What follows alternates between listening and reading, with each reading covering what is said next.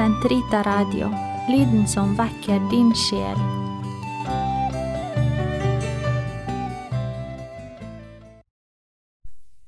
Hei igjen. I første episode av denne podkasten snakket jeg om sommerfuglene. Hvordan de, som alle insekter, er bygget opp med et ytre skjelett og en tredelt kropp. Vi hørte også litt om sommerfuglenes liv og den variasjonen som finnes i deres verden. I dag tenkte jeg vi skal se litt på hvilke trusler sommerfuglene er utsatt for. Og vi vil også drøfte om det er etisk forsvarlig å samle sommerfugler og andre insekter. Når jeg blir spurt om hvorfor jeg samler sommerfugler, pleier jeg å si for å beskytte dem. Mange blir overrasket over svaret, noen blir også provosert. Men jeg mener det faktisk er riktig. Men hvordan kan jeg mene det? For å svare på spørsmålet, og for at svaret skal henge på greip, være logisk holdbart og faglig gyldig, må vi først se på hvordan sommerfuglene lever, deres biologi og hvilke trusler de møter. Jeg nevnte i forrige episode at sommerfuglen er i rask tilbakegang, særlig i Europa, men også her. Det er flere grunner til denne tilbakegangen. Hovedgrunnen er at deres levesteder ødelegges. Når landskapet gror igjen, forsvinner engene og jordekantene som var levested for mange arter. Når vi bygger hytter langs strender og på øyer, bygges verdifulle tørringer og strandskoger ned. Når vi bygger og regulerer elver og sjøer, forsvinner rike sumpskoger og elvebredder. Når myrene dreneres og torv kuttes for å bli til plantejord, forsvinner levestedene til alle artene som nettopp levde der. For nattsommerfuglen er all den kunstige belysningen i våre byer, bygder og hytteområder en dødelig trussel. Slik kan vi fortsette listen, nesten i det uendelige. Det som er så skummelt, er at ett enkelt inngrep i naturen sjelden betyr så mye. Men summen av alle inngrepene, over år, stykker opp det naturlige landskapet slik at insektene våre forsvinner. Som regel uten at vi merker det før det er for sent. Den store trusselen mot sommerfugler og andre insekter er altså ikke at enkeltindivider tas ut, men at deres levesteder ødelegges, og at dermed hele populasjoner kollapser. For å kunne leve på en bestemt plass må sommerfuglen ha den riktige næringsplanten for larvene sine. Det kan være en bestemt blomst, en busk eller et tre. Og denne planten må ofte vokse på riktig sted. Det kan være den skal stå i skyggen, eller kanskje i sol, kanskje varmt eller heller litt kjølig, tørt eller fuktig, for at larvene til en bestemt art skal kunne trives. Noen arter av sommerfugler krever at næringsplantene vokser på kalk eller mineralgrunn for at larvene skal overleve, så levestedene kan være veldig begrenset. De voksne sommerfuglene er også helt avhengig av at deres krav til levested blir oppfylt. Mange arter lever av blomsternektar og behøver enger eller tørringer for å kunne overleve. Andre trenger skoglysninger eller myrer for å kunne klare seg, videre. Det som truer dem, er altså ikke fangst av enkeltindivider, men at vi endrer naturen rundt oss.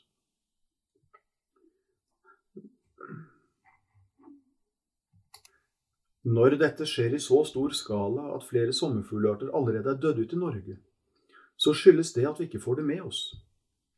Vår felles bevissthet om de endringer vår natur utsettes for, er i beste fall litt tilfeldig. Vi hører om ulv og isbjørn, men visste du at lakrismjeltblåvingen, en liten dagsommerfugl som kun levde på noen øyer i Bærum, døde ut for tre år siden, på grunn av nedbygging og nedbeiting av lokaliteten dens? Vi har ikke en samlet oversikt over naturinngrep og deres konsekvenser, og hvilke følger dette får for insektene, er det dessverre få som er klar over. Nettopp det å samle sommerfugler er å arbeide med denne gruppen insekter. Bli kjent med hvilke arter som finnes, hvordan de lever, hvilke krav de har for å trives, og ikke minst hvilke trusler de utsettes for. Det er i grunnen så enkelt at hvis vi vil ta vare på naturen vår, må vi vite hva den består av. For hvordan kan vi ta vare på noe vi ikke visste vi hadde? Kunnskap om naturen hjelper oss altså å handle målbevisst ikke bare gjøre noe. Det holder ikke bare å synse, for det er slett ikke slik at et landskap som ser pent ut for oss, er noe sommerfuglene eller billene eller øyenstikkene eller noen av de andre insektene kunne leve med. Vår pave Frans ga i 2015 ut sin encyklika Laudato Si. Dette dokumentet er en sterk tekst hvor paven fremhever at menneskeheten, og særlig vi kristne, må være meget klar over at vi som mennesker, skapningens hode og krone, har et særlig forvalteransvar for vår verden. Det paven skriver er i grunnen ikke noe nytt, det har ligget der i vår kristne etikk hele tiden, men det han gjør er å løfte det frem og presentere den kristne lære om natur, miljø og etikk i ett dokument. Av vårt credo, vår trosbekjennelse som kristne, følger det altså at vi må være oss bevisst at vi er forvaltere av skapningen, og at vi har en plikt, på, plikt til å ta vare på vår klode, ta vare på hverandre og vår natur, på en slik måte at vi overlater skapningen til våre barn, våre etterkommere, i en minst like fin form som vi selv arvet den fra våre forgjengere. Men hvordan gjør vi det? Hvordan tar vi opp vårt forvalteransvar som kristne? Det finnes mange muligheter for å engasjere seg i arbeidet for miljøvern og klimavern, men jeg vil her foreslå et slag for kunnskap. En av de største truslene mot vår natur er at vi ikke lenger er så mange som kjenner den. Samtidig med at vi på Instagram, Facebook, YouTube og TV ser stadig flottere bilder av solnedganger, dramatiske fjelltopper, spennende ekspedisjoner til fjerne himmelstrøk, er det et paradoks at stadig færre vet navnene på våre vanligste blomster, fugler, dyr eller insekter. Da jeg var barn på 70- og 80-tallet på Nøtterøy, var jeg ute i skogen bak huset vårt nesten hver dag. Vi barn i gaten var ute og lekte, bygde hytter, klatret i trær, og på skolen fikk vi lære om trost, blåmeis, elg og hjort. På ungdomsskolen var vi ute på ekskursjoner, og på videregående lagde vi objektsamling i biologien. Jeg skal ikke skjønnmale og påstå at det var voldsomt mye vi lærte, men det var litt. Siden har jeg i Insektforeningen fått lære om våre insekter, og selvfølgelig arbeidet med sommerfuglene fått en dypere innsikt. Mitt anliggende er dette. Jeg vil hevde at en av de beste måtene vi som kristne kan ta opp vårt forvalteransvar, vil være å tilegne oss kunnskap om naturen vår. For en av de viktigste grunnene til at den ødelegges rett foran øynene våre, er at vi ikke vet at vi ikke ser hva som skjer. Avstanden til naturen har blitt større i vår tid, og det gjør at vi mister kunnskapen vi trenger for å forvalte den riktig. Min oppfordring er å begynne helt lokalt, der hvor du bor. På nett og Facebook finner du lett informasjon om hvilke naturforeninger og grupper det finnes for alt fra villblomster til fugler og pattedyr og insekter, i tillegg til rene naturverngrupper osv. Undersøk litt, og bli gjerne med i en eller flere av disse. Og prøv å lære deg navnet på de blomstene, fuglene og insektene du møter når du går deg en tur i skogen eller i området rundt hjemmet ditt. På den måten vil du bli en mer bevisst bruker av naturen. Du får større utbytte av turene dine, og litt etter litt vil vi slik bli mer bevisst på hvordan vi alle kan bidra. For som sagt, vet vi ikke hva vi har, kan vi heller ikke ta vare på det. Men jeg har nevnt innsamling av sommerfugler, og hvordan gjør man det? De fleste har vel sett karikaturen av den distré professoren med håv, og det er ikke helt fjern fra sannheten. Dagsommerfugler og en rekke småsommerfugler samles med håv på dagen eller i skumringen og i gryningen når de flyr til blomster eller svermer. De rent nattaktive artene derimot lokker vi til oss med lys.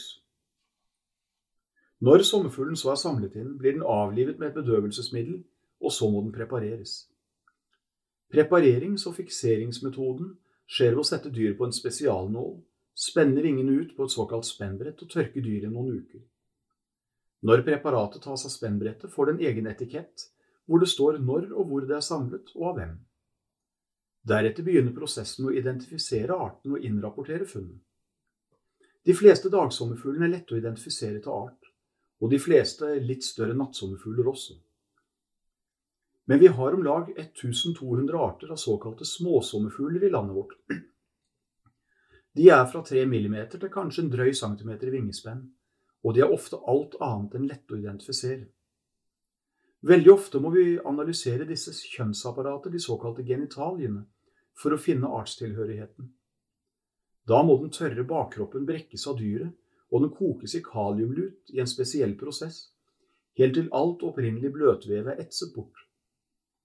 Så vil de faste kitindelene av organet monteres på et objektglass, og man får slik et mikroskoppreparat av kjønnsapparatet som vi så kan analysere i et mikroskop.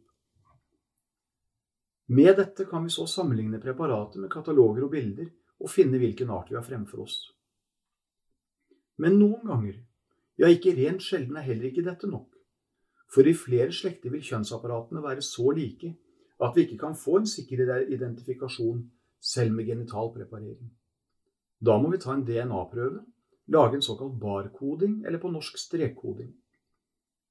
Da brekker vi typisk av et bein fra preparatet og sender dette til bestemte laboratorier som forbereder prøvene før de så analyseres ved et universitet utenfor Ontario i Canada. Så, etter noen uker eller kanskje måneder, får vi svar hvis de har en, en sikker, et sikkert bestemt funn i sin database. Men hvorfor er det så viktig å vite om vi har funnet den eller den møllen? Er det ikke temmelig nerdete å grave seg så dypt ned i noe som de aller færreste bryr seg om? Ja, det er nok litt nerdete, det skal jeg innrømme.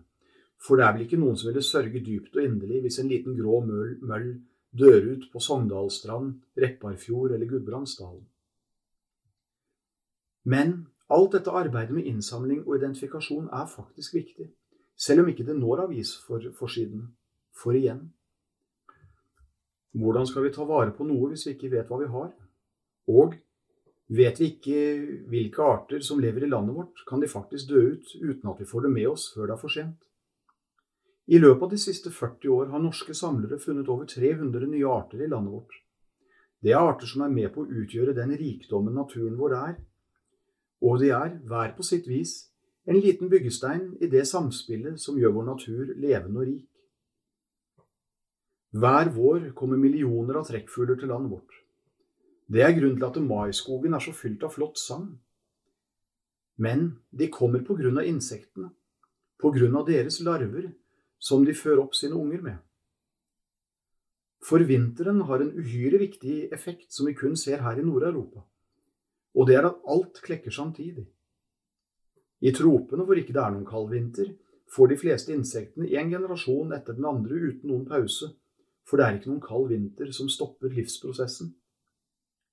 Men her hos oss må alle insekter overvintre, som jeg nevnte i siste episode. Og det de aller fleste gjør, er å overvintre som egg.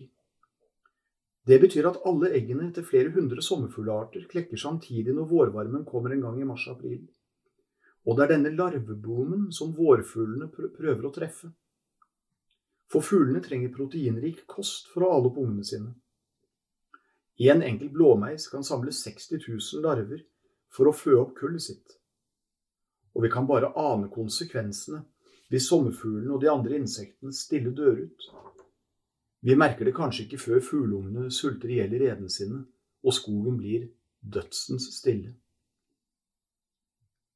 Insektene er faunaens minste og mest tallrike medlemmer, og de er faktisk bærebjelken i vår natur. Og nettopp derfor er det så viktig å vite hvilke arter vi har, og hvordan de har det. Det er naturlig at bestandene svinger. Det er også naturlig at arter trekker seg tilbake, og at enkelte dør ut hos oss som det er like naturlig at det nye kommer over landegrensen og etablerer seg. Men takten det skjer med nå, og de åpenbare ødeleggelsene vi ser i naturen vår, bekymrer oss, for vi ser at alle pilene peker nedover. Men jeg nevnte at dataene innrapporteres, og jeg vil bare nevne kort hva vi gjør med disse nå mot slutten av denne episoden. Før preparatet, altså den ferdig tørkede og identifiserte sommerfuglen, settes inn i samlingen, blir funnet rapportert inn i Artsdatabanken. Dette er en nettportal som driftes av Klima- og miljødepartementet, og hvor vi entomologer er med å bidra. Alle funndataene, art, kjønn, alder, funnsted, funndato og gjerne et foto av dyret rapporteres inn. Disse dataene går så inn i den nasjonale funndatabasen, som danner grunnlaget for utbredelseskart og rødlistninger, altså om en art skal erklæres for å være truet eller sårbar. Slik vil dataene fra denne databasen bli et grunnlag for naturvernarbeidet i landet, og da ikke basert på synsing og antagelser, men på kunnskap. I neste episode tenker jeg vi skal se på hvordan teologien, altså troen på en god og skapende Gud, faktisk danner grunnlaget for naturvitenskapen. Og vi vil også se på hvordan naturvitenskap og teologi til syvende og sist har det samme mål – på gjenhør.